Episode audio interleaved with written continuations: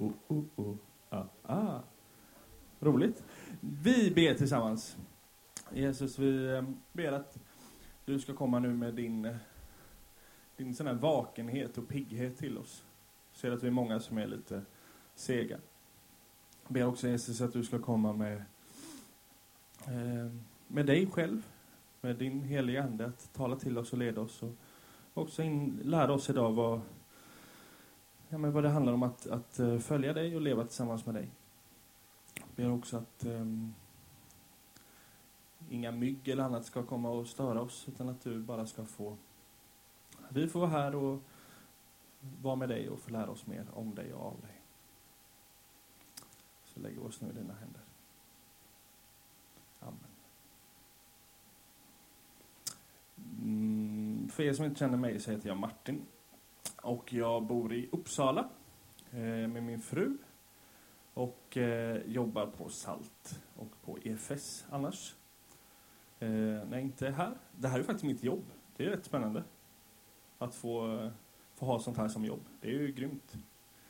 Det är inte alla som får ha det. Så det är schysst. Jag har fått temat idag om trons lydnad. Och då kan man ju en del bara... Alltså, hur kul låter det egentligen? Alltså att lydnad är ju inte ett särskilt positivt ord, eller hur? Och att, vad innebär, vad innebär då trons lydnad? Alltså, typ att, um, att Gud ska bestämma allting. Alltså det, det känns ju inte så jätteroligt. Um, och när man säger det så, så låter det faktiskt inte så kul. Jag håller helt med, eller jag tycker inte heller det låter så kul. Jag tänker vi får börja. När man, när man är lite fundersam så är det bra alltid att börja hos Jesus. Det är ju så här grundtips. Så jag tänker vi börjar hos Jesus och så funderar vi på några ställen. Han pratar om alltså att följa honom. Vad innebär det? En natt så kommer en, en judisk man till Jesus som heter Nikodemus och så frågar han så här, men vad, vad innebär det att följa dig? Att leva med dig Jesus? Och så säger Jesus, ja men du måste bli född på nytt. Och Nikodemus lite så här, ser någonting framför sig och bara, nej. Och så säger nej Jesus, nej nej inte så. Utan det är på något sätt det är ett nytt liv. Du måste på något sätt dö från ditt gamla och födas på nytt. Eh, en annan gång så säger Jesus, eh, ja men om den som, om man vill följa mig så måste man ta sitt kors och gå. Och kors på den tiden var ju när man var på väg för att dö. Så att, men, såg man människor med kors så visste man, ja, nu är han på väg för att dö, eller hon på väg för att dö. Så när Jesus säger, ja, men ska man vara min lärjunge så måste man vara villig att dö för mig. Man är jättestora ord.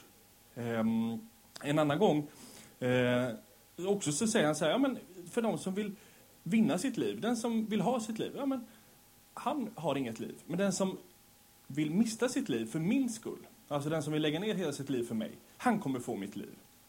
Så att när Jesus pratar om att följa honom och lärjungaskap så är det ja, men hårda bud, det är hårda pix, det är allt eller inget. En gång säger han så här. Um, om någon kommer till mig utan att hata sin far och sin mor och sin hustru och sina barn och sina syskon och därtill sitt eget liv kan han inte vara min lärjunge. Man fattar vilka ord. Om man inte hatar allt annat så kan man inte vara med. Eh, hur ska man förstå det där? Jag tror att det är Jesus som verkligen ställer på sin spets och säger att ingenting annat i ditt liv får vara viktigare än mig.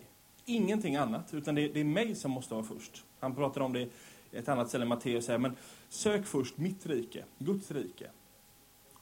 Och sen kommer allt annat ordna sig, allt annat kommer du få det. Men sök först det som är viktigt för mig.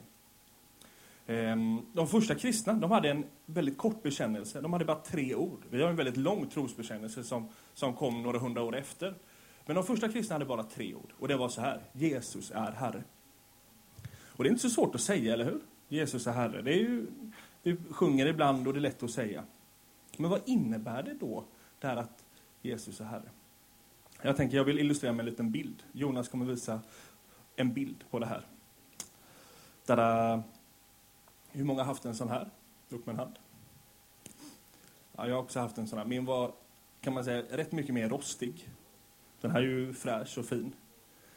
Um, men det här skulle jag säga är precis en bild för hur våra liv ser ut. En människa som inte känner Gud, inte bryr sig om Gud, cyklar sin egen trehjuling. Ehm, man, all kraft, alltså på något sätt, ska någonting ske för att göra det själv. Det är jag som styr vart vi ska och det är jag som bestämmer farten. Ehm, jag behöver inte bry mig om någon, jag behöver inte bry mig om något, utan det är jag, bara mitt. Sen, när jag möter Gud och inser att oh, Gud finns, det här är riktigt bra, så bjuder jag in Gud och säger ja men välkommen, här är mitt flak. Eh, det är lite trångt för Gud kan man säga, men han, han är inte så pjoskig så han håller käft där bak och sitter där, ja, ja, okej. Okay. Och sen så kommer vi till uppförsbacke och säger ja Gud, nu är det lite jobbigt, eh, nu får du knuffa på här. Eh, och sen, eller så kommer man i, ni vet, hög fart i en kurva.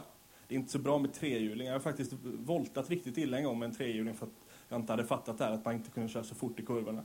Men har man Gud bak så säger man, du Gud, okej nu hänger du över ena kanten och så kör vi fort här i kurvan för att, så att vi inte välter.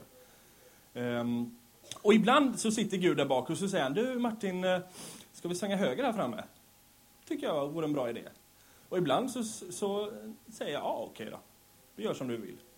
Fast det är fortfarande jag som styr, så att det är ju ändå så att, nej, nej, jag vill inte alls svänga höger, vi kör rakt fram här.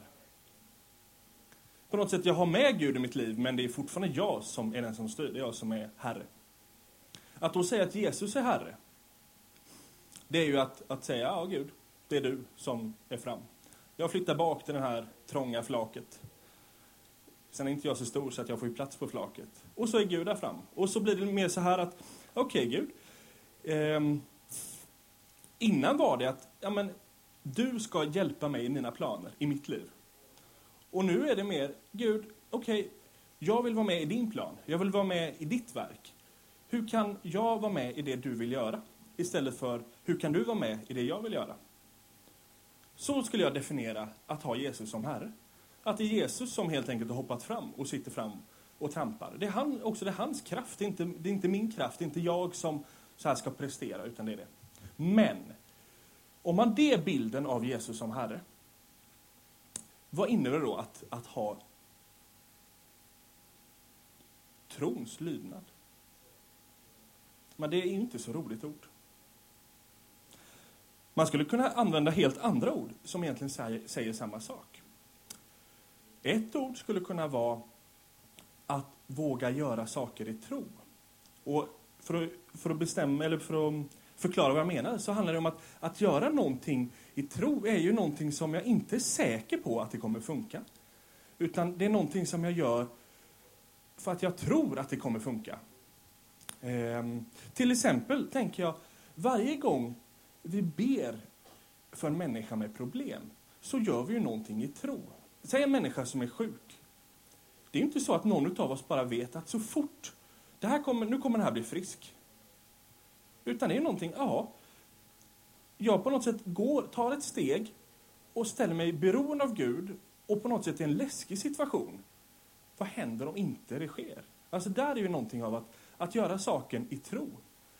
Men det som krävs för att jag ska komma dit är ju på något sätt att jag lyder Gud. Gud säger ju, ja men ni ska be för de sjuka.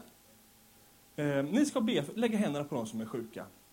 Eh, och då blir ju det här lydnaden blir ju, ja, nej men jag gör det som jag inte är säker på, för att Gud ändå har sagt det. Hänger ni med? Så att, att ett liv i lydnad, eller trons lydnad, handlar ju då om att, ja, nej men jag vill göra saker som kanske känns läskiga för mig, eller som andra tycker är knepiga, trots att jag inte är säker på vad resultatet blir.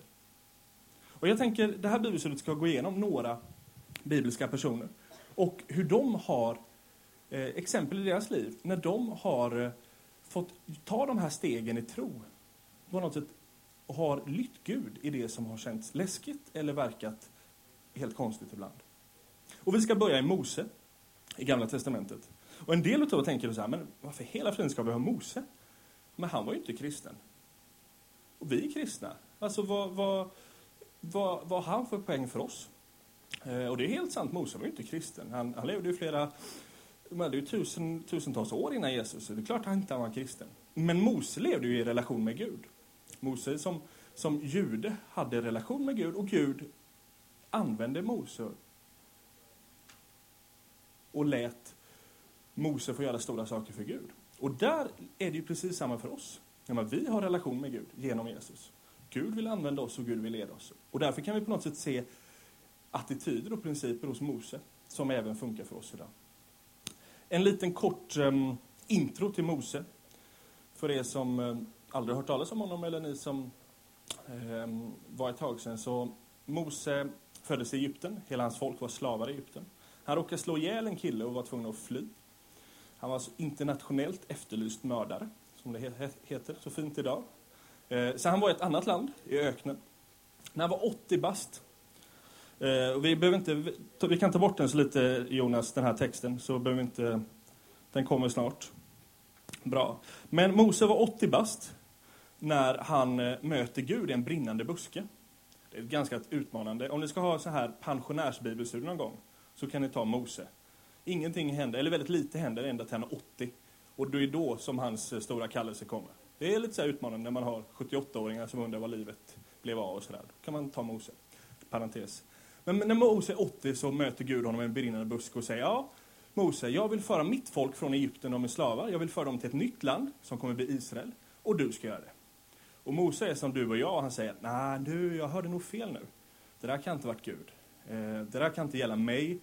Eh, du kan väl ta någon annan. Ja. Och sen håller han på så här och tjatar med Gud och Gud säger, nej men det är du. Och ja, okej, okay, jag, jag skickar din brorsa om du inte vill vara själv. Och så säger Mose, oh, hur kommer det här gå? Och, och Gud gör massor med under. Och så sänder han Mose till Egypten. Och Mose får Egypten där se hur Guds kraft väldigt tydligt. Eh, och han, Mose på något sätt får, får um, men, har lärt sig att lita på Gud och också då lyda. När Gud säger men gör det här, så gör Mose det och sen händer det stora saker. Så att hela Israels folk går ut ur Egypten. Och när de kommer ut därifrån så blir militären, eh, kungen och militären, eller farao och militären, säger nej men vi kan inte släppa de här slavarna, vi, vi springer ikapp dem. Och det är inte så svårt när man är så elitmilitär och sen är det ju hundratusentals eh, folk där, kor och getter och barn och barnvagnar och jag vet inte allt. Ungarna går med sin iPad så det går långsamt när de går. Ja men ni vet, det, det är inte så, de är inte så snabba så att militären hinner ifatt dem. Och då står de så här framför ett eh, stort hav. Och så står Mose där. Mose som har lett hela folket ut. Och så står de vid havet så kommer militären bakifrån. Bara, drömt, drömt, drömt. Ärligt, jag vet inte hur de... Men ni vet väldigt så snabbt och det är pampig musik och lite så här suggestiv stämning och ja, ni vet precis hur filmsekvensen ser ut. Och då kommer ju folket till Mose och bara, vad gör vi nu? Och Mose inser bara, jaha, vad gör vi nu? Så han går ju till Gud och säger, vad gör vi nu? Det här, kommer, det här går inte alls bra, vi kommer ju dö här. Då ska vi läsa. Herren sa till Mose, varför ropar du till mig? Säg åt israeliterna att dra vidare. Lyft din stav och sträck ut din hand över havet och klyv det, så att israelerna, israeliterna kan gå torrskodda tvärs genom havet. Vi kan ta bort den. Men tänk er den här situationen. Mose är din ledare. Nu har kommit dit, allting ser ut att gå åt skogen. Och nu ska han göra någonting. Nu ska han fixa, fixa biffen här. Nu ska, vi, nu ska det bli ordning. Nu ska han rädda oss. Och vad är det han då ska göra? Jo, men han ska lyfta sin stav och sen ska han klyva vattnet med handen. Alltså, kan ni tänka er något mer fjantigt i det läget? Alltså, en riktig ledare hade ju vänt sig om och sagt okej, okay, nu delar vi upp oss, nu filar vi våra stavar så att de blir typ spjut och så Eh, gräver vi ner lite kor där som kan nafsa militär. Nej, men någonting, något smart, någonting. Och det enda som Gud säger är, ja, sträck ut din hand. Alltså det är ju ett jättekonstig grej. Alla ska titta på Moses, oh, vad kommer han göra? Och han bara, det är så här jag ska göra. Alltså, här tänker jag, här handlar trons lydnad. Okej, okay. antingen har han valet att göra det här är för fjantigt, jag gör det inte. Eller så är det, okej okay, Gud, du säger det, och därför gör jag det. Och om det här inte funkar nu, så inte bara att vi kommer dö, utan alla kommer typ tycka jag är en stor fjant. För att innan vi höll på att dö, så det enda jag gjorde var att sträcka ut handen. Där tänker jag precis står vid vägskälet där Mose hade. Vi läser vidare. Då står det så här. Mose sträckte ut sin hand över havet och Herren drev undan havet med en stark östanvind som blåste hela natten så gjorde han havet till torrt land, vattnet klövs och israeliterna gick torrskodda tvärs genom havet medan vattnet stod som en vägg på båda sidor. Det häftiga här är att det är inte Mose som gör något. Tänker ni på det? Det enda Mose gör är att han lyder det Gud säger. Han gör det som Gud säger. Och så fixar Gud resten. Och då kan man ju fundera så här, men varför i hela friden gör Gud så här? Alltså, hade det inte varit enklare? För att det är ändå Gud som gör det. Hade det inte varit enklare bara att de kommer fram dit och sen var det så delar Gud på havet? För det var ändå Gud som delade nu igen, eller hur? Vad finns det för anledning att Moses skulle stå där och vara en fjant och, och visa med sin hand? Jag tror att svaret är så här, att, att Gud vill ha en relation med oss. Han vill att vi ska bli beroende av honom. Det är inte så att när vi lever i relation med honom att allting, bara på något sätt att Gud ordnar allt. Tänk dig typ så här, om, om man var ute och körde bil då, eller cyklade. Man behövde aldrig svänga. För att så fort det kom en kurva byggde ju Gud en ny väg rakt fram. Han ordnar ju allting. Eller att eh, om någonting, allting på något sätt bara ordnar sig. Alltså till Gud bara, hela poängen med Gud var att jag bara skulle kunna göra precis vad jag vill. Jag kunde gå rakt ut här och utan att ramla för att Gud byggde en ny eh, eh plattform. Alltså det är inte alls så som vare sig Gud eller relationen med honom är, utan som han säger är, men jag vill ju att ni ska gå på min väg. Alltså att ni ska sitta bak på trehjuling och jag ska sitta fram. Eh, och därför blir det ju, ja, hans fråga till oss är ju, ja, ja. Vill ni vara med och göra det jag vill? Och på något sätt, alla de här bitarna blir ju ett sätt också för oss att få växa i beroende av Gud. Att få se, ja, nej men det här är jätteläskigt, men jag vill vara med. Vi ska fortsätta läsa om Mose och tar lite senare, de kommer iväg på andra sidan. Men tänk er den här bara situationen. Vi är massa med människor som har gått genom ett helt hav och så står vattnet som väggar på sidorna. Så kommer vi på andra. Men tänk er, hade vi sett det här, men hur kan man tvivla på Gud? Visst är det så man tänker? Hur kan man någonsin tvivla på Gud? Vi ska läsa vad som händer när de kommer över på andra sidan, på andra, eller på, till landet på andra sidan. Då står det så här. Hela Israels menighet bröt upp från Sinaöknen och drog från lägerplats till lägerplats enligt de befallningar Herren gav. De slog läger i Refidim, men där fanns inget vatten att dricka för folket. Då anklagade de Mose och krävde att han skulle skaffa dem vatten.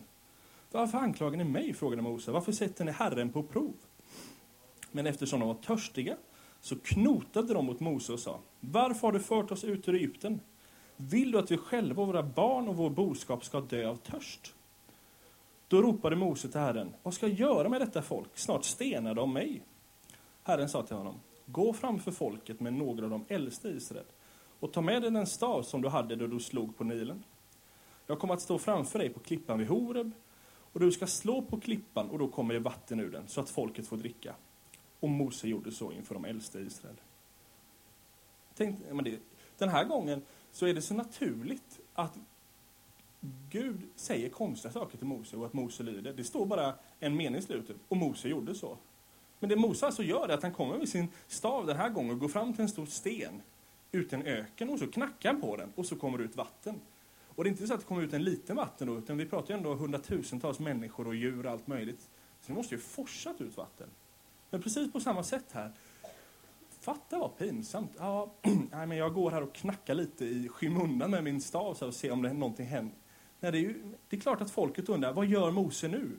Han kunde inte gå en meter utan att de undrar, när kommer vattnet? Och Mose återigen behöver bara, ah, men jag behöver bara lita på dig Gud. Okej, okay, jag tar min stav och så knackar jag. Vi, ehm, det som är intressant här är ju att undret, Guds under, kommer just för att Mose vågade gå på det Gud sa. Just för att Mose vågade lyda det Gud sa. Det var ju det som på något sätt var förutsättningen för att det, för att det skedde. Att Mose vågade sträcka ut sin hand över havet, eller vågade knacka med, med staven i, i berget. Det finns in, in, vi ska läsa om, ehm, um, hoppa nu till Matteus, förlåt, jo till um, Matteus 14 ska vi till. Och det är en gång när Jesus och lärjungarna och massor med folk är på ett ställe. Um, och man har inte någonting att äta. Och då ska vi läsa så här. Jesus frågade, hur många bröd har ni? Sju stycken och så några fiskar, svarade de. Då sa han till folket att slå sig ner på marken. Han tog de sju bröden och fiskarna, han tackade Gud, bröt dem och gav åt lärjungarna, och lärjungarna gav dem åt folket. Alla åt och blev mätta, och man samlade ihop de överblivna bitarna, sju fulla korgar. Det som hade ätit var 4 000 män, förutom kvinnor och barn. Vi kan ha kvar den, Jonas. Och så tittar vi på den här texten. Alltså, var någonstans händer undret? Var någonstans blir det mer än de här bara sju bröden och fiskarna? Ser ni att det står ingenstans. Det står ingenting att Jesus gjorde de där, han bad för bröden och plötsligt var det 7000 bröd. Utan det som händer där är ju att när lärjungarna får det så verkar det inte ha blivit mer. Utan att lärjungarna går ut med brödet som om det, alltså i, precis som Mona, de, de gör det i, i lydnad vad Jesus säger, men gå ut och dela ut här, det kommer räcka till alla. Och då gör de det. Och uppenbarligen räckte det till alla, men det är, ingen, det är inte självklart var hände undret. Det ser ut som att det hände någonstans på vägen, alltså när de, de vågade gå, vågade på något sätt gå i tro, vågade ta det här steget ut. Okej, okay, jag delar ut det här, trots att det inte är säkert att det, det räcker. Och det här spännande är att så här är det genom hela Bibeln. Alltså att Guds ingripande, Guds under, händer inte bara wow, utan det händer när människor vågar eh, på något sätt lyda eller vågar göra saker i tro. Om man tar alla gånger någon blir helad, så är det ju att någon annan kommer fram, Jesus kommer fram och säger ja, men res dig upp. Någon som är lam till exempel, res dig upp. Det är ju, men, jaha, okej. Okay. Och det är ju först när han vågar resa sig upp som han inser, ja, Gud har gjort någonting. Eh, eller någon annan som kommer och säger, men min dotter, hon är, hon är död hemma. Och Jesus säger, nej, nej, gå hem så lever hon. Att då bara säga, jaha, okej, okay, ja, men då går jag hem. För jag litar på dig. På något sätt, jag, i tro så går jag hem. För jag tror, du har sagt det Jesus, då går jag hem. Så att på något sätt, lärdomen vi kan göra från både de här med lärjungarna och med Mose handlar om att det är först när vi vågar gå på det Gud säger som också hans under kommer. Och på något sätt så verkar det Gud vilja ha det, att, att när vi på något sätt vågar gå ett litet steg så gör han det stora steget. Det häftiga med allt de här grejerna, du vill ha en paus snart? Ja, du ska få en paus alldeles strax. Men det häftiga med de här är ju att det aldrig verkar vara så jobbiga saker. Alltså, det är inte att springa ett maraton, det är inte typ lyfta en bil, Ehm, ja, något annat. Utan det handlar mer, men Mose, hur jobbigt är det att göra så här? Det är ju inget jobbigt. Eller knacka med en stav i en sten, det är ju inget jobbigt.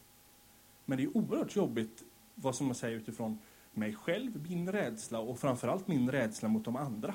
Vad kommer de tänka?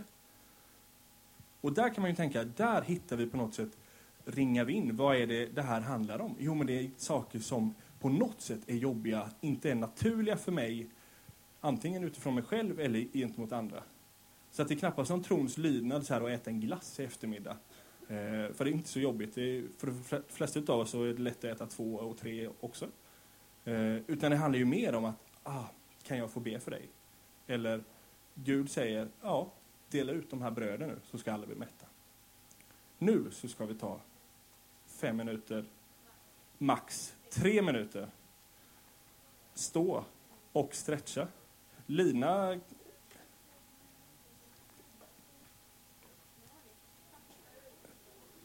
Lina vill köra en huvud, axlar, knä och tå här.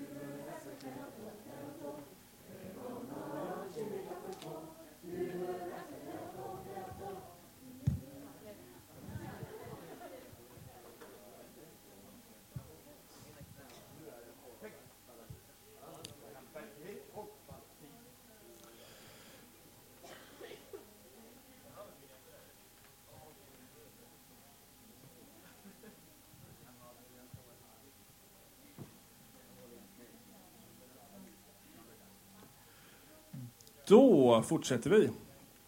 Um, om man skulle prata om det här, med Guds lydnad så tänker jag att det finns två tydliga områden där det skulle kunna ske. Den ena är det som jag pratat ganska mycket om nu, alltså speciella grejer som Gud säger. Alltså det här att klyv havet eller knacka på en klippa. Det är inte så många av oss som eh, har varit med om det tror jag. Men det som vi kanske har varit med om har varit, ja men på något sätt bara, det, mm, det känns som att Gud så här pockar på min uppmärksamhet mot en människa som, eh, ja men som sitter ensam. Ingen, som är lite så här knepig, ni vet, som ingen riktigt vill sätta sig bredvid. Och på något sätt så upplever jag att Gud ändå ah, sätter bredvid henne eller sätter bredvid honom. Det är kanske det som är mer normalt för oss än att eh, vi behöver klyva ett hav. Eh, men alltså den formen av saker, att Gud på något sätt ändå ger oss någon form av ingivelse eller ah, ja, men jag, att jag borde be för dig, kan jag få, att man går, och att det blir då, trosteget blir att gå till någon och säga, men du, jag ser att du, eh, din rygg är dålig, kan jag få be för dig? Alltså någon form av, av Guds ingivelse eller Guds ledning på lite olika nivåer. Och det är ju precis det som händer i de här situationerna vi har läst bibelverserna. Men den andra delen, tänker jag, av Guds lydnad, det är ju om sånt som Gud har sagt i sitt ord. Eh, som på något sätt är giltigt alltid. Eh, det kan handla om att, att um, ja, men i Bibeln uppmanas vi att inte tala illa om andra. Vilket gör att jag tänker det, det blir en, en lydnadshandling för mig mot Gud. När jag sitter i en grupp och man talar illa om andra och jag väljer att nej men jag vill inte göra det. Um, och det är ingenting så här att oh, just nu sa Gud att jag inte ska tala illa, utan det är ju någonting han alltid säger. Eller när Gud säger att ja men du ska inte stjäla, du ska inte ta saker som inte är dina och så får jag 50 spänn extra på ICA. Då tänker jag, då lämnar jag ju tillbaka det till ICA, eller till, inte ICA, men kanske till hon i ICA-kassan eller han. Inte för att um, jag inte kunde haft roligt med de pengarna. Utan för att Gud har sagt att, nej men, du ska inte ta pengar som inte är dina. Och då blir ju det på något sätt en lydnadshandling. Den handlingen är inte så mycket så här i tro. Oh, vad händer nu om jag lämnar tillbaks femtelappen? Kommer det vara, kommer det vara någonting här? Eller kommer jag ramla ner? Utan det är ju bara, nej men Gud, jag gör det här för dig, för att du har sagt det. Så egentligen kan man ju säga att hela den här biten handlar om att på något sätt vilja säga, ja men Gud, för att du har sagt det så vill jag göra det. Har du sagt i ditt ord, ja, lämna tillbaka de pengarna som inte är dina, så vill jag göra det. Och har du sagt, eh, när jag kommer på den här bussen, att sätta mig bredvid hon tanten och börja prata med henne, så vill jag göra det också. Så att på något sätt är det ingen skillnad på de här två sakerna, utan båda handlar om att, ja men Gud, jag vill göra det du, du leder mig till. Jag vill göra det. Vi ska titta nu på en profet i Gamla Testamentet. Han heter Hesekiel. Ehm, och som nästan alla profeter i Gamla Testamentet så var det ju att folket hade vänt sig bort från Gud. De, hade inte, de lät inte Gud cykla eller vara den som kör fram på trehjuling, utan de hade absolut satt honom bak på paket eller på det här flaket och så cyklar de själva.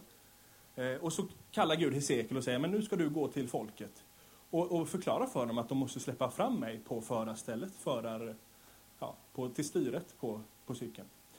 Det så intressanta är, vi ska läsa nu i Hesekiel, när Gud säger till Hesekiel, när han pratar så här kommer det vara, så säger han så här. Men israeliterna kommer inte att vilja lyssna på dig. De vill ju inte lyssna på mig. Alla har de hårda pannor och hårda hjärtan. Jag ska göra din uppsyn lika stursk som deras och din panna lika hård. Jag ska göra din panna hård som diamant, hårdare än flinta. Var inte rädd för dem, låt dem inte skrämma dig. De är ju ett motsträvigt folk. Sedan sa han, Människa, hör noga på och lägg allt jag säger dig på minnet. Gå sedan till dina bortförda land, landsmän och tala till dem. Vare sig de lyssnar eller inte ska du säga till dem. Så säger Herren Gud. Alltså Gud säger till Hesekiel, de kommer inte lyssna. Men gå. Ja, men hur, hur puckat är det? Om, om de inte vill lyssna, varför ska jag då gå? Det finns ju ingen annan att jag ska gå. De är, Gud säger ju att de kommer vara arga. De kommer och så säger Gud, ja men var inte rädd. Gå och säg till dem, men var inte rädd. Men de kommer, vara, de kommer inte lyssna. Det finns ju ingen anledning att, att göra det. Eller hur? Eller visst, visst är det konstigt? Och här tänker jag, finns någonting av Guds lydnad i det. Att, ja, det är inte effekten som jag kan ta ansvar för. Det är inte om, om någon annan lyssnar. Utan här är det ju att ja, men Gud vill att någon ska berätta för hans folk. Sen kommer de inte att lyssna, men han vill ha försökt han vill kunna säga, ja men jag gjorde allt, jag skickade till och med Hesekiel till er. Och på samma sätt blir det för oss där, att nej, men, min roll är ju bara att, att på något sätt göra det Gud leder mig till att göra. Det Gud säger. Inte alltså vad som händer, effekten om någon, om någon till exempel om, eh, om hon tanten på bussen som, som Gud leder mig till att sätta mig och börja prata, om hon säger håll käften, hoppa av här, så kan det ju ändå varit så att, ja men Gud, ja det här blir ju inte så bra. Nej, sa Gud, jag visste att hon skulle säga så. Fast ditt jobb var ju ändå att visa omsorg. Du skulle gå till henne och sätta dig där. Det var din grej. Så att på något sätt, vi måste vara noga med att, att på något sätt, jag kan bara ta ansvar för det som på något sätt Gud lägger på mitt hjärta. Ehm, det är samma när jag är på ICA och får den här femtelappen för mycket. Ja, ja, så lämnar jag tillbaka den till hon Jessica i kassan. Då har jag gjort min grej. Och hon bara, ja tack, så stoppar hon den i fickan. Så kan man ju inte göra. Nej, men det är ju inte, det är inte mitt ansvar vad hon gör. Mitt ansvar var ju att lämna tillbaka det som inte var mitt. Sen att hon snodde den i sin tur, det är, en, det är ju hennes grej. Så att på något sätt, i allt det här av att, att göra det Gud leder oss till, så måste det ju vara att ja, men jag vill göra min del, Gud. Samma sak när hon som hade ont i ryggen, som jag ville be för, och så bad jag och sen hände ingenting. Nej, ja, jag kan inte förstå det, men Gud, jag gjorde jag tror att jag var lydig i min del. Jag gjorde mitt. Det var inte, jag kan inte hela någon, det är ju du som kan. Det är, det är ju ditt fel på något sätt att inte hon, hennes rygg är bra. Men jag gjorde ju min grej i det. På något sätt att, att där inte nedslås i, i det, utan på något sätt, Gud, ja, jag vill göra det som du vill. Jag vill gå på det som du säger.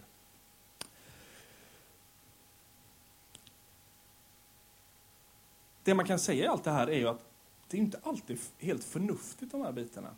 Ibland kan man kanske i efterhand se att ja, ja men det här blev ju bra. Men man tänker när Moses ställer det där med, med handen ut. Det är, ju ingen, det är ingen vettig människa som tror på det. Det är ju bara om man tror att Gud är stor och Gud vill använda oss och få oss beroende till honom. Och jag tror att det är precis det som är att att um, hade det varit stora saker vi skulle göra, typ springa ett maraton, så hade vi tänkt att oh, ja, men jag är ganska duktig. Det här var nog jag ändå. Men när det är sådana här fjantgrejer, ja, men knacka på klippan, så inser vi ju att det där är inte att jag har en magisk eh, träpinne, utan det är ju att Gud gör någonting. Och att det är det Gud också vill få oss in i. Ja, men han är stor. Och han är den som eh, fixar. Det är han som fixar sakerna.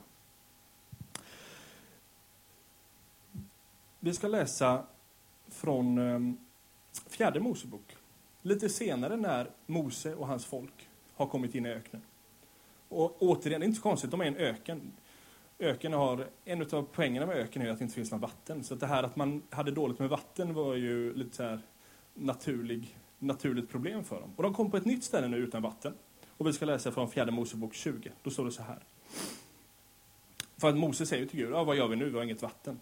Och då sa Herren tala till Mose. Ta staven och kalla samman menigheten, du och din bror Aron. Ni ska tala till klippan i deras åsyn, då kommer den att ge ifrån sig vatten.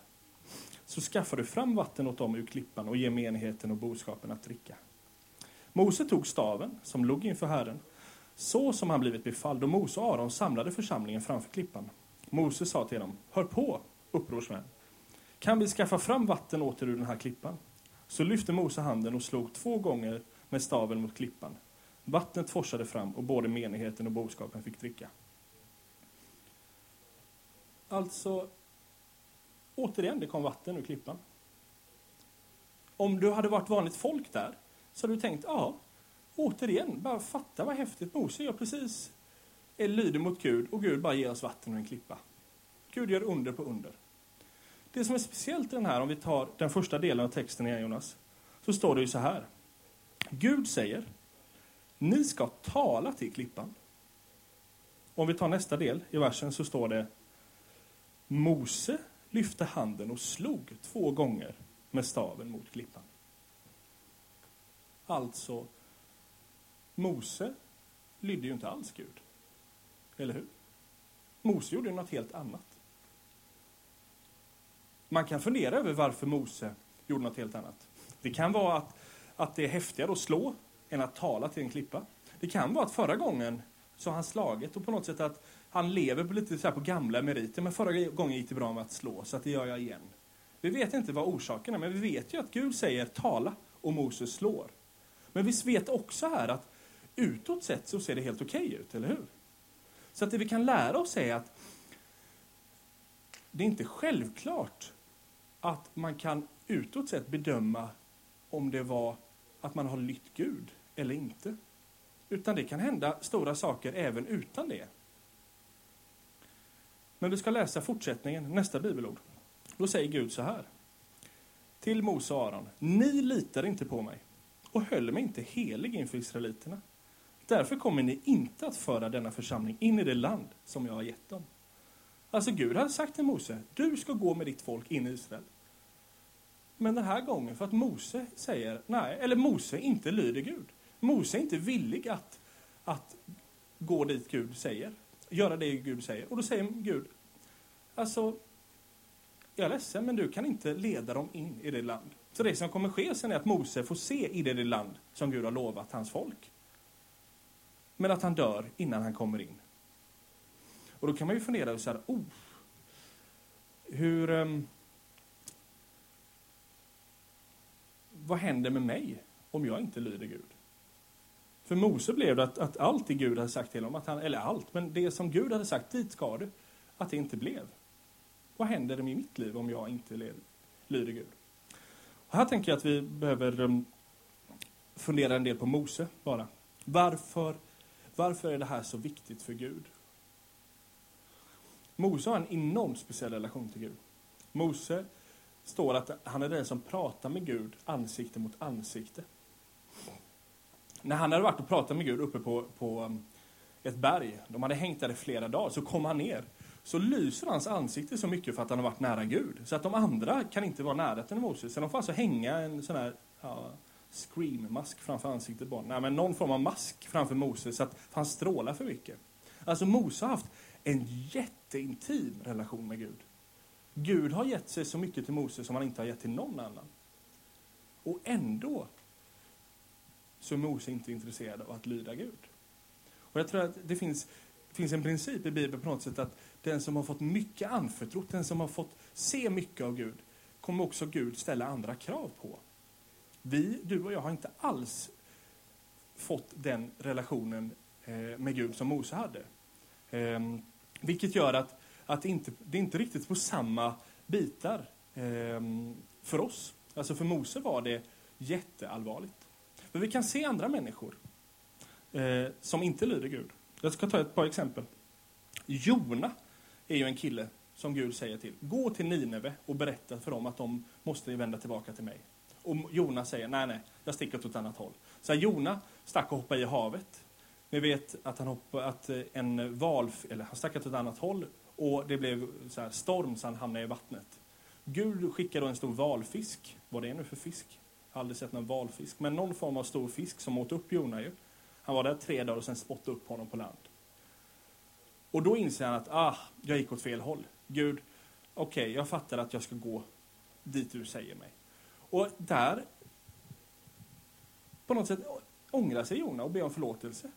Och Gud sänder honom tillbaka. Det var inte så att, att Jona dog eller att det blev helt fel. Vi ser också Petrus, Jesu närmaste lärjunge, som förnekar Jesus tre gånger innan tuppen gal. Som också där, Jesus säger, men älskar du mig mer? Älskar du mig? Och på något sätt Petrus får be om förlåtelse och får komma tillbaka.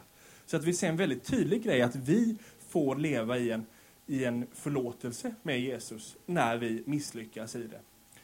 Um, så att man kan se att med Moses så handlar det om att han hade en sån enorm eh, relation till Gud och enormt uppdrag i det. Och därför får det också stora konsekvenser. Men det är klart att, att eh, när vi inte vill gå på det Gud vill, att det, att det kan få konsekvenser i att på något sätt inte blir... Alltså jag tänker hon på bussen som inte jag går och pratar med. Om Gud hade, hade saker för henne som jag nu inte säger, så är det klart att, att det blir konsekvenser. Sen hoppas, får jag ju be och hoppas att ja, men någon annan imorgon på bussen sänder Gud till henne. Precis som i alla andra lägen. Men det finns ju någonting av att men Gud vill eh, använda oss. Och det är därför han också låter oss få, mm, ja, men leder oss i att göra saker för människor i trons lydnad. Um, En fråga som man skulle kunna ha är, oh, tänk, alltså det här, tänk om jag är olydig mot Gud utan att jag vet om det.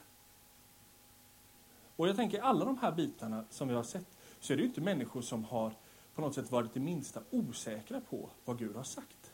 Det är inte det det handlar om. Utan här är ju människor som har varit jättesäkra. Gud säger, tala till klippan. Men de vill inte tala.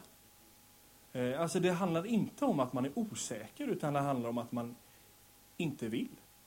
Ehm, eller våg på något sätt att man känner att ah, det här är så jobbigt för mig, eller oh, jag är så rädd för vad de andra kommer säga. Och därför gör jag inte det. Så att det man behöver ha med sig i alla de här bitarna, är att det är ju inte att det är inte saker som man är lite så osäker på. Oh, jag kanske ska gå en, en bibelskola nästa år. Eller oj, jag kanske ska komma på den här helgen nästa vecka. Oh, om jag gör fel så är jag olydig. Det är verkligen inte så, utan det är ju i saker som man är övertygad om att Gud har sagt. Övertygad om saker Gud har, har uppenbarat. Men att jag ändå inte vill gå. Eh, så att jag, tror inte att, jag tror inte att någonstans är det här att man behöver vara orolig eller rädd. Utan snarare se, ja men Gud, i att gå på den väg du går, så finns det möjligheter att få allt det du ger. Alltså dina under, att få vara till en välsignelse för andra, att få se saker som annars inte skulle kunna vara på något sätt i att lita på dig och att på något sätt våga gå på det du säger. Då bjuds också din kraft in, ditt liv in. Och det är den möjligheten som är det vi får ha med oss i det. Att, wow! Men Mose, man, det var ingen svår sak att sträcka ut handen. Men man, han gör, Gud gör ett under som man pratar om flera tusen år senare. Just bara genom den lilla handlingen att Mose säger okej okay, Gud, jag litar på dig. Jag sträcker mig ut min hand för att du säger det. Och då öppnas havet. Och det är precis där som vi får ha det. Ja, den lilla saken, att sträcka ut min lilla hand, kan ju bli en jättegrej för att det är du som har sagt det Gud. Nu ber vi. Jesus, vi ber att vi ska få eh, ja, men ännu mer få låta dig styra vår trehjuling. Att vi får sitta bak och att vi får vara den som är med på din grej, inte att du är med på vår grej, utan att vi är med på din grej. Vi ber också att det här med att få göra saker i lydnad eller i tro eller i ja, men på något sätt i, för att du leder oss till det. Att det får vara någonting som också att vi får en längtan till. Och ber också att du ska få hjälpa oss att eh, upptäcka på något sätt glädjen och möjligheten i när vi på något sätt gör det som, eh, ja, men som du leder oss till, det som du kallar oss till. Ber också att du nu ska vara med oss i våra gruppsamtal och att du är med och eh, välsignar dem och leder dem. Så lägger vi nu våra samtal i dina händer. Amen. Har ni någon fråga som ni vill ställa?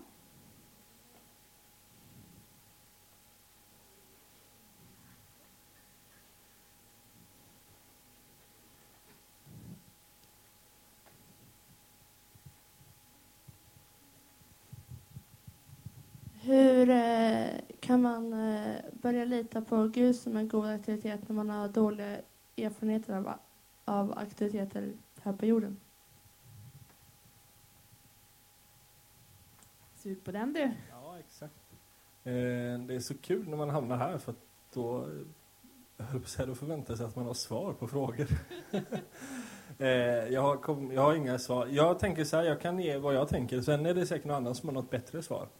Eh, min, när jag hör det så tänker jag att, ehm, att allt den här världen på något sätt en del av brustenheten, en del av ja, syndafallet. Um, vi har samma tänker jag, utmaning med att Bibeln pratar om Gud som far och många av oss har en, en dålig bild av, av pappor. Så att det, blir också, det blir samma sak där, att för en del av oss blir det varit bättre att bara kalla Gud för Gud och inte alls som pappa, för att pappa är ju bara dumt. Och, och ja. Um, jag tror att det är någonting man egentligen får be Gud om hjälp att se skillnad på honom och resten Eh, och inte på något sätt att, att typ min bild av auktoritet eller min bild av en pappa ska få styra min bild av dig, Gud. Egentligen tror jag det är lite samma som gårdagens predikan där det handlar om mm, lögner om mig själv. Så tror jag att det här handlar om lögner om Gud, blir det ju. Och att man därför också ber Gud, ja, men hjälp mig att hitta sanningen om dig istället, trots allt. Ja, absolut. Vi har ju en... Eh, jag tänkte så här också i, i, i det här sammanhanget. Att ärlighet med vad man tycker och känner i relation till Gud är jätteviktig. Eh, säg till Gud det du tycker är svårt. Hörru du Gud, det här gillar jag inte hos dig. Det är väl mycket bättre. Tänk en, en vänskapsrelation du har. Vad är det vi som kommer bland nummer ett? Vad är viktigt hos vänner? Ja, men ärlighet. Det är precis samma sak till Gud. Jag tror han gillar oss bättre om vi säger att han är dum än att vi låtsas och säger att han är snäll. Liksom. Det finns en god berättelse om en, en nunna som var arg på, på eh, Gud. Eh, och så eh, bestämde hon sig för att nej du, du Gud, jag tror inte längre på dig. Och så kom hon till apadissan veckan efter och så sa hon, jag har aldrig haft en bättre relation med Gud. För att hon var ärlig. Ja. Fler frågor?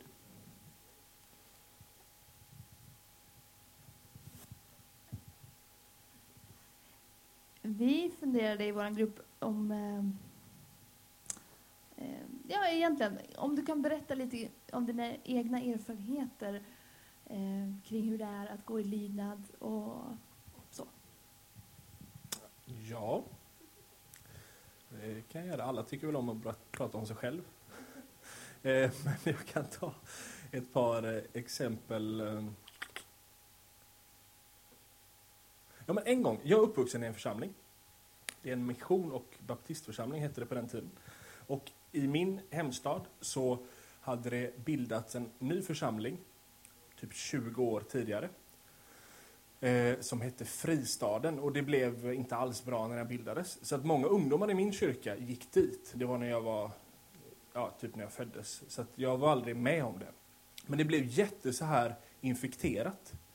Vilket gjorde att min kyrka styrelse hade sagt att vi fick inte ha någonting med den andra kyrkan att göra. Så att till exempel när det var gemensamma ungdomssamlingar i stan så fick inte vi vara med för att vi fick inte vara med den andra kyrkan för de var så hemska typ. Ehm, och det var säkert att alla hade gjort fel och sådär, det var inget konstigt. Men så skulle vi ha, när jag typ var 18, 19, så skulle vi eh, men, ha ett samtal i församlingen om det här. Och jag var, fanns med i vår ungdomsgrupp och tyckte att det blev lite konstigt att vi inte kan vara med. Alla andra ungdomsgrupper träffas, men vi kan inte vara med. För att ni i styrelsen har sagt att vi inte får det. Och när jag är på väg dit så, så upplever jag väldigt tydligt, det är första gången i mitt liv som jag verkligen på något sätt, lite så Guds, eh, att Gud bubblar inom mig. Inte positivt, utan egentligen på något sätt, det här måste sägas. Och jag vet när jag kommer dit, för jag hade inte tänkt att jag ska resa mig upp 18 år i hel församling och säga så här är det, eller så här ska vi göra. Men när jag kommer dit så på något sätt kan jag inte låta bli. Så jag reser mig upp och säger att, eh, och jag minns det var skitjobbigt. Det var första gången i mitt liv som jag varit med om att, att um, ord kommer som jag inte har tänkt, så att säga. Det, det sägs, jag säger saker jag aldrig har tänkt på, utan det på något sätt bara kommer. Och jag står och, och storgråter och, och på något sätt hur kan vi behandla våra kristna bröder och systrar så här? Och, ja, på något sätt, jag upplevde själv att jag fick del av Guds, uh, Guds nöd för på något sätt kristna som ligger i fejd med varandra. Roliga var att efter det där, det var kanske hundra pers där, um, en annan höll med mig. En till höll med mig efteråt i lydnad. Och de andra eh, höll inte alls med mig. Bland annat blev jag utskälld av min pastor han gick upp efteråt och sa hur fel jag hade. Och sen en hel del andra äldre. Alltså jag, jag vet inte om jag varit så ut, ut, ja, ut, säga, sågad hårdare någon gång i mitt liv. Alltså jag hade så fullständigt fel. Um, och jag visste ju att jag hade, eller jag visste att de kommer tycka att jag har fel. Så att det på något sätt var ju självmord att resa sig upp där. Men det var så tydligt att Gud, Gud sa, nej men det här är viktigt på något sätt. Du, eh, jag har gett min blick för hur, hur vi kristna ser på varandra. Um, och att det var en sån här väldigt sån här lydnadsgrej för mig. Och nu hamnar vi där, det var där som var frågan. Men att verkligen, nej, ingen kommer hålla med mig, men jag tror ändå detta är rätt och jag tror det måste sägas. Det är lite liknande som Hesekiel, alltså det spelar ingen roll om de lyssnar eller inte, eller ändras eller inte, utan du ska göra din grej. Och det var på något sätt det jag kände att jag skulle göra och, och gjorde där. Um, man kan fortsätta i den biten som är väldigt glädjande att uh, typ tio år senare var jag med och anordnade ett sånt här läger i samma stad. Och då hade det hänt en del. Bland annat hade den här församlingen som hade startat nytt och de andra inte tyckte om hade sagt eh, offentligt förlåt för allt de har gjort fel. Och det brukar ju underlätta i sådana här processer. Ehm, och vi hade en gudstjänst där. En avslutningsgudstjänst en söndag i en idrottshall där. Vi har massor med folk och vi hade faktiskt lyckats få alla kyrkan att ha sin söndagsgudstjänst med oss. Det har aldrig hänt innan. Ehm, så vi var en bra bit över tusen personer i den där gympahallen. Och jag höll i den gudstjänsten och så kommer vår lovsångsledare. Och så säger han så här, jag upplever att Gud har en, en, att jag kommer få sjunga ut en sång över den här stan idag. Och då sa jag det, ja, du ska sjunga, eller för att då, det var på något sätt, då slöt cirkeln lite. Då sa jag till Gustav så här, ja Gustav, jag ansvarar för den här gudstjänsten. Jag, jag lovar att jag kommer ta smällen Eh, för om du får skit för att du sjunger något, eller på något sätt så gör man inte en gudstjänst. Utan jag lovar, jag kommer stå här och du ska vara lydig i det Gud har gett dig. Du ska vara frimodig. Du ska inte på något sätt gå tillbaka, utan du ska sjunga ut det här.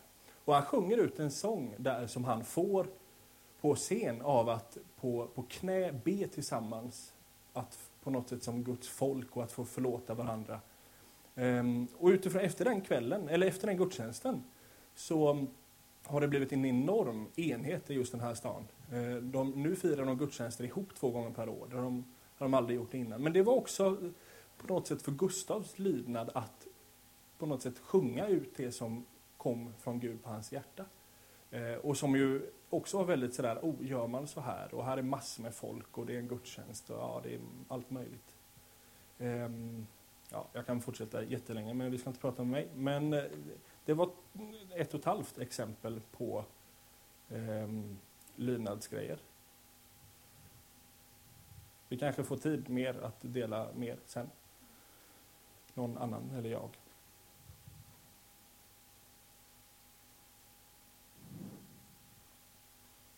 Frågor? Funderingar? Kopplingar? Tankar?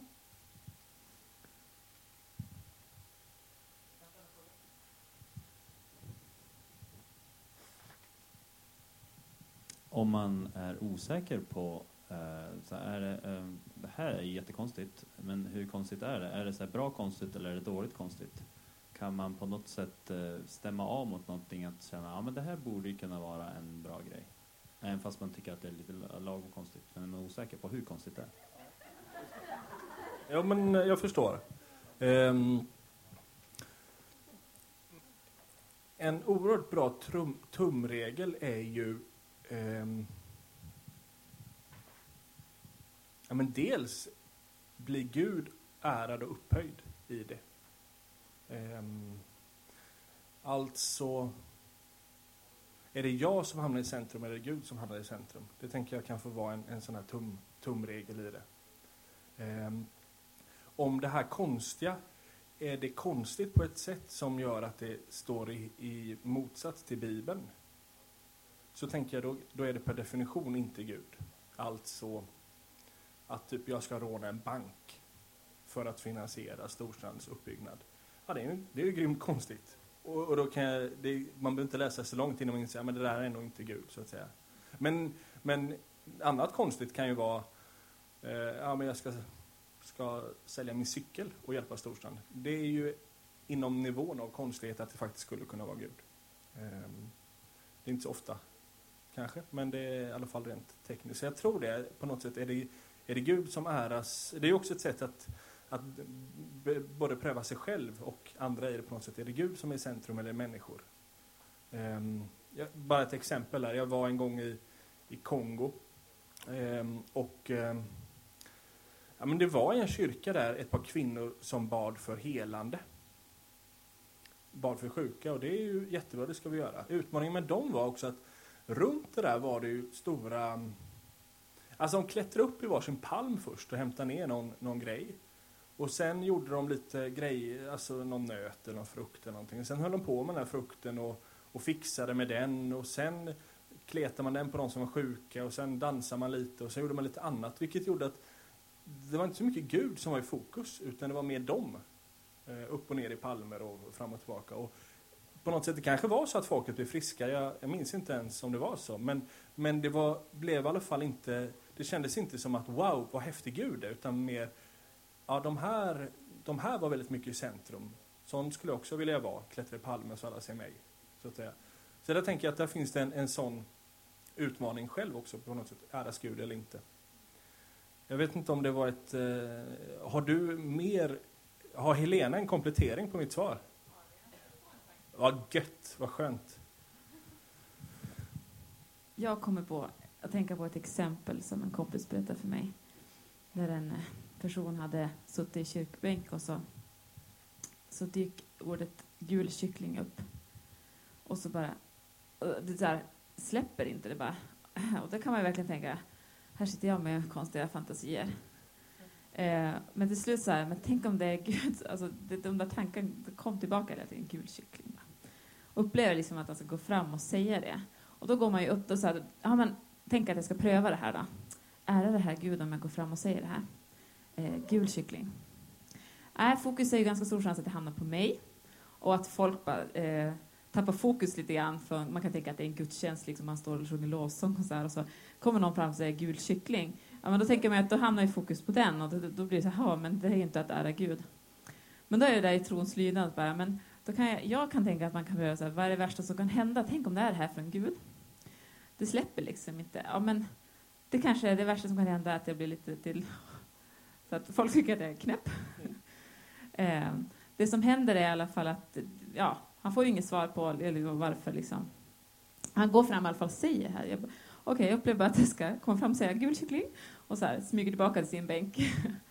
och sen senare under gudstjänsten när liksom typ för folk har försvunnit från kyrkan, då är det en, en person som kommer. Ehm, du som delar det här, ehm, det är, ja, nu vet jag inte, jag minns inte exakt hur det var, men han, han berättade i alla fall att han i början av gudstjänsten hade bett helt så här, okej, men det är konstigt att man kan be när man inte tror på Gud, men Gud, om du finns, typ gör att någon kommer och säger gul kyckling under gudstjänsten. Någon sån där, bara taget i luften, en konstig bön.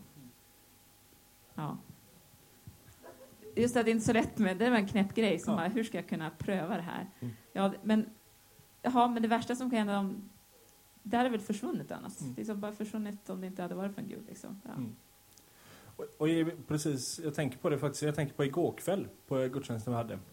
Så kommer en person fram och, och säger till oss här framme, eh, men jag upplever att, att det är någon som har blivit mobbad och det har lagt saker på som på något sätt behöver bes bort, de orden. Alltså de osanningar som har, mobbarna har sagt på något sätt ligger över någon. Och när vi bad runt det så sa vi lite så här, ja, det kanske stämmer, det kanske inte stämmer, vi vet inte riktigt. Och då sa vi, ja men jag går upp och ber det i slutet ändå. Är det rätt så är det rätt och då blir det bra. Är det fel så är det nog ingen som tar illa av det. Och jag tänker det, det är också ett sätt att på något sätt i trons väg att nej men ja, vi vill försöka Gud. Ehm, det här, lite så här, ja men det kan inte bli ehm, när fallhöjden inte är så stor så kan man vara ganska frimodig. Det hade därmed varit att eh, ja, men vi ska alla nu springa fyra varv runt tältet. Så behöver man vara lite mer säker på att Gud verkligen vill det. Man kan ju inte bara, ja men vi provar det också. För att det, det förstår ni, det, ja, det blir lite större problem om det inte var något, jaha nu har vi gjort det och det var ju kul. Ja. Ehm, är det någon som har någon mer koppling till, eller svar på Johans fråga om hur man kan bedöma huruvida vad man får frid det är en väldigt bra grej ju. Absolut. Och en del av de här sakerna är ju inte bråttom. Utan man kanske verkligen så här kan fråga någon annan, prata med någon annan och säga men det här och det här. På något sätt kan du vara med mig och be runt det här. Alltså, ja men typ om jag ska åka på, ja, whatever, åka till Burma nästa år. det är ju ingenting som behöver bestämmas i år, eller jo, i år, i år, men inte idag, utan man kan ta med någon annan, till exempel.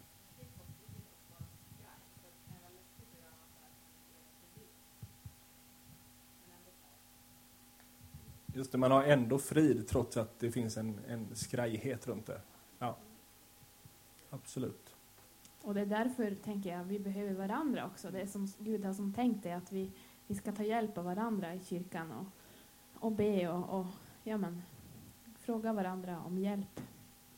Det är ganska smart tänkt av honom. Mm. Tänker jag ställa en fråga. Jag har redan förvarnat Martin. Eh, han har pratat ganska mycket om det här med trons lydnad utifrån mig som person. Och att vi, jag, ska lyda Gud och hur vi ska göra och så. Och då funderar jag på, finns det någonting utifrån ett vi-perspektiv? Alltså vi som kyrka eller vi som församling eller grupp. Eh, hur vi ska tänka på det här. För kristenlivet är ju också gemenskap. Mm. Um, absolut. Och där, eh, vi pratade lite om det och sa ju till exempel att, att um, ja, men vi har en kallelse till exempel att um, människor som är utsatta, det är, man, i, i Gamla Testamentet pratar ofta om faderlösa och änkorna, alltså de som inte har någon som försörjer, de som inte, de som på något sätt är samhällets marginal. Ehm, och där är ju är det ju vi som kyrka som har ett ansvar. Det är inte bara jag som Martin. För att är det bara jag som Martin blir det också väldigt jobbigt och tungt ganska snabbt. Eh, utan det är på något sätt när vi som församling och Kristi kropp får göra det som det är där ju eh, på något sätt eh, ja, men både kallelsen och möjligheten att kunna jobba uthålligt och allt möjligt funkar. Eh, sen kan man ju också prata om det här om de olika olika bitarna. Eh, säg att någon åker till, någon ska till Burma och att det är en, en lydnadshandling att åka och säga okej, okay, jag åker. Jag hade varit utanför, eh, eh, utanför Sverige, men nu åker jag till Burma ett halvår. Men för någon annan kanske då lydnadshandlingen är att nej, men jag ber varje morgon två minuter för hon som åkte till Burma. Och för en tredje är det, ja, jag avstår från eh, 300 kronor i månaden för att eh, finansiera det här. Och för någon fjärde är det eh, ja, något fjärde. Men, men, ni fattar på något sätt att det inte är, det är inte bara en person utan det är, det är vi som eh, går in i gemensamma uppgifter. Alltså det, det är ju som så, uppdraget är ju inte, det är både jag själv men också vi. Alltså Jesus säger till lärjungarna, gå ut och gör alla folk till lärjungar. Eh, och det är ju oss, vi har fått uppdraget. Och på något sätt, jag behöver göra min del och du din del och tillsammans har vi fått uppdraget. Det är inte någon annan som löser det åt mig så att säga. Men det är heller inte så att det är jag som ska göra min grej utan det är vi som ska göra vår grej. Har du komplettering Kristoffer? Tankar. Ja, men jag tänker också att det kan ju vara en hjälp i träningen om det här med trons lydnad. Ja, men vi som församling, vi som kyrka har bestämt, har följt eh, liksom Guds kallelse att ja, men det här är vårt uppdrag. Mm. Och då kan man gå in i det. Då kan man träna på sin egen eh, lydnadsdel eller i det. Eh, vi ska göra den här insamlingen ikväll till Burma och till annat. Ja, men det är inte vi som har bestämt. Ja, det är några som sitter i SALTs styrelse som har bestämt att man ska göra en satsning i Burma. Men då får vi tillsammans tänka att ja, men det här är riktigt. Och så, så bidrar vi. Eller som jag menar, EFS har massa missionsarbete ut över världen. Alltså att lyfta blicken, eh, hur vi kan vara med i det. Ja, men där tänker jag att där har mycket av min, mitt engagemang börjat. Ja, men jag fick vara med i vad andra redan har påbörjat. Och sen andra gången så kan det vara så att ja, men vi är sju stycken som har fått en nöd för eh, eh, ja, men hur var det? de utsatta i vår stad eller vårt samhälle. Men låt oss göra någonting och så blev det en pannkakskyrka. Alltså, så blev det mer tillsammans för att tillsammans kan vi inte, eller tillsammans kan vi betydligt mer än vad jag kan själv. Och så blir det också en viktigt perspektiv över vad det är att vara kristen. Jo, det är att vara i en gemenskap. Liksom.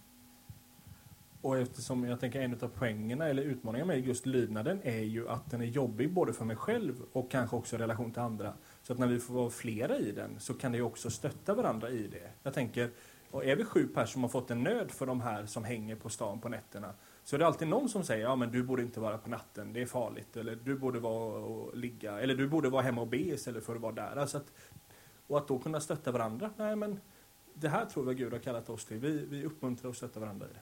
Och vad gör man då om man inte får, om man känner en kallelse till någonting och inte får respons från andra eller att det inte är några andra som hakar på eller vad säga. Vad gör man då? Ja, ehm, alltså det beror på lite vad det kan vara tänker jag. Men ändå en, en stor grej, eller vad man säga. Som inte bara rör liksom mig och mitt. Ja. Alltså ibland kan det ju finnas um, Alltså mycket av um, vad ska man säga, grundläggande attityd handlar ju om att sändas eller att uh, på något sätt um, ser man i Nya Testamentet ingen som ingen som, eller alla som sänds iväg gör det från en församling. Alla säger ja, men vi står bakom dig, vi ber för dig, vi, du går i vårt namn. Det är ingen som bara springer själv så att säga. Så det finns ju en, en grundläggande sanning och poäng i att de bakom en på något sätt sänder och välsignar. Att det inte bara är vad ska man frifräsare som hittar på alla möjliga saker. Sen är ju det, det beror på vad det är för nivå. Jag tänker, är det jag är det jag som ska gå på en bibelskola så måste ju inte min församling säga ja, vi tycker det är jättebra. Däremot är det jag som ska eh, ja men vad ska man säga, om jag ska ut på stan och ställa mig där med den här grillvagnen och bjuda folk till Jesus och min församling inte alls tycker det är bra. Eh, det, blir lite, det blir svårare då att säga, ja, men kom till min församling, fast de tycker egentligen inte om att det är bra att jag har gjort det här. Alltså det, då, det kanske är mer att om Jesus, då får jag be att de ändå vill, tyck, eller på något sätt vill att det här, eh, det här är okej att du gör. Eh, sen tror jag att det finns, ibland kan det vara att Gud säger saker som eh, på något sätt tidigare innan det ska ske för att vi ska hinna bli förberedda. Men att vi inte riktigt tänker, eh, typ, man får en, en längtan till Burma nu idag och så tänker man, oh, flyget går i september. Eh, jag kanske kan hinna med. Men det var kanske om tre år det var dags. Men att mer Gud börjar förbereda mig. Så ibland kan det vara att, att, att ehm, man inte är i Guds timing. Och ibland kan det verkligen vara att andra människor ehm, på något sätt, inte av elakhet, men i oförstånd, står i vägen eller på något sätt inte fattar vad Gud vill göra. Och där tänker jag då får man be för dem. Och be Gud välsigna dem. Och be att, att han också uppenbarar eh, och blir det, händer ingenting där så tror jag att då får man också fråga Gud, okej, okay, hur gör vi nu? Eh, nu, är, nu verkar det på något sätt är vi i, i en återvändsgränd. Och du, jag vill ju gå din väg så att då måste du hitta en typ, nödutgång ur återvändsgränden. Um, och att på något sätt ta med det i honom. Um, jag vet inte. Jag, jag tänkte bara om man vill nå ut med administration på stan och inte få stöd av församlingen så tycker jag att man kan söka Herren och tro och våga gå ut i alla fall. Och göra det enkelt. Man kanske inte behöver ta med sig grillstånd och allt men att man vågar gå ut och be och att man vågar prova. För man kan, man kan bli överraskad och träffa andra så att man kan bli en gemenskap ute på stan. Ja, alltså, och på något sätt, vi, det är inte så att vi behöver tillåtelse typ från vår präst för att få dela vår tro. Så det tror jag inte. Däremot så kan man väl säga att, att mycket av den här typen av arbete, om vi nu tar evangelisation på stan, är vad som man säger spjutspets pionjärarbete i Guds rike, vilket gör att man också är ganska utsatt ur, ur många aspekter. Ehm, andligt och fysiskt och ekonomiskt. Ja, men det finns många utmaningar i det. Och där tänker jag att där är ju Kristoffers förra fråga med, med oss som församling, oss som grupp, den viktiga grejen. Och det är därför som det är tänkt att vi då, ja men vad bra, några är där och några är hemma och ber. Några är med och pröjsar och någon följer upp sen och någon eh, vispar pannkakssmet eller vad man nu gör. Alltså att det finns en poäng i att vi på något sätt eh, gör det ihop, inte bara i att vi delar på arbetet utan också att vi på något sätt får stötta och beskydda varandra. Och där tror jag att det finns den biten är viktig att på något sätt söka. Eh, men det är klart att man ska dela sin tro oavsett eh, utan att fråga om lov. Men det är mer det här, som man när man gör ehm, Ja men mer det här, när vi gör saker väldigt tydligt går ut ur båten och väldigt tydligt på något sätt behöver, behöver eh, Guds hjälp så är hans närmsta hjälp är församlingen och, och kristna syskon och därför är, är det, mm, tror jag att det är viktigt att, att de är med på det så att säga. Får jag också säga en sak först? eh, nej men jag tänker det att, att ibland kanske då man, man behöver fråga Gud eller be om andra människor, om det är så att man upplever starkt att ja men det är det här jag ska göra och sen får man ingen stöd, då kanske man behöver be Gud att skicka andra människor eller kanske finns någon annan församling i närheten som, som är beredd. Eh, och då kanske man måste, måste ta, ta kontakter med andra eller liksom på något sätt kliva ur om det blir för trögt. Sen tänker jag eh, det vi pratade om tidigare att eh, när det gäller församlingen och lydnad så, eh, så tänker jag att just det här med gåvor, att Gud har lagt ner gåvor i oss som, där vi kan komplettera varandra i en församling, där det är tänkt liksom. Vi har, ja, vi har fått gåvor och där tror jag att en del av, av det större sammanhanget är att, att be Gud att få upptäcka sina gåvor och att när man, när man ser att ja men okej, det här är nog det som jag ska göra eller mina gåvor, att våga pröva det då. Det tror jag är en del av, av lydnaden, att, att liksom upptäcka det och använda det. Eh, ja. Och det kan ju handla om en sån sak om att, att man eh, tycker om att sjunga men att det kan vara jobbigt att, att stå på scen eller men, men Gud kanske kallar den ändå att ja men jag tror att du ska. Eller liksom, man upplever ändå att man ska göra det men man tänker nej men inte jag, jag, jag tycker det här är för svårt. Men, men kanske kan det vara ändå att Gud kallar en till det, lovsång eller någonting. Och att en, ett steg i lydnad kan vara det att, att göra det, fast det är jobbigt. Typ. Jag tänkte precis samma sak, men jag hade tänkt säga lobba, ge inte upp, var strategisk. Eh, alltså, ligger det på ditt hjärta så försvinner det ju inte. Är det något som Gud har sagt så försvinner det ju inte. Men jobba vidare. Jag har en kompis som hon tyckte inte hon fick igenom eh, det hon trodde var viktigt. Men hon tyckte att folk lyssnade på mig, vi var kollegor i ett sammanhang. Så då var hon så eh, taktiskt smart så hon övertygade mig. Det var ganska lätt den, de gångerna. Och sen förde jag fram det och sen gick det jättebra. Eh, kvinnlig list kallas det. Eh, använd det. Det är klart att Gud har gett oss de förmågorna också. Om det är vissa som är tröga men någon annan som har lyckats. Ja men det var väl Mose och Aron, det var någon som kunde prata för Mose liksom. Eh, kör på. Och sen så gäller det ju då att dela sin vision med någon annan och sen helt plötsligt, ja ah, men det där brinner ju jag också för. Kan du inte berätta om den här bussen i Norge? Ja, just det.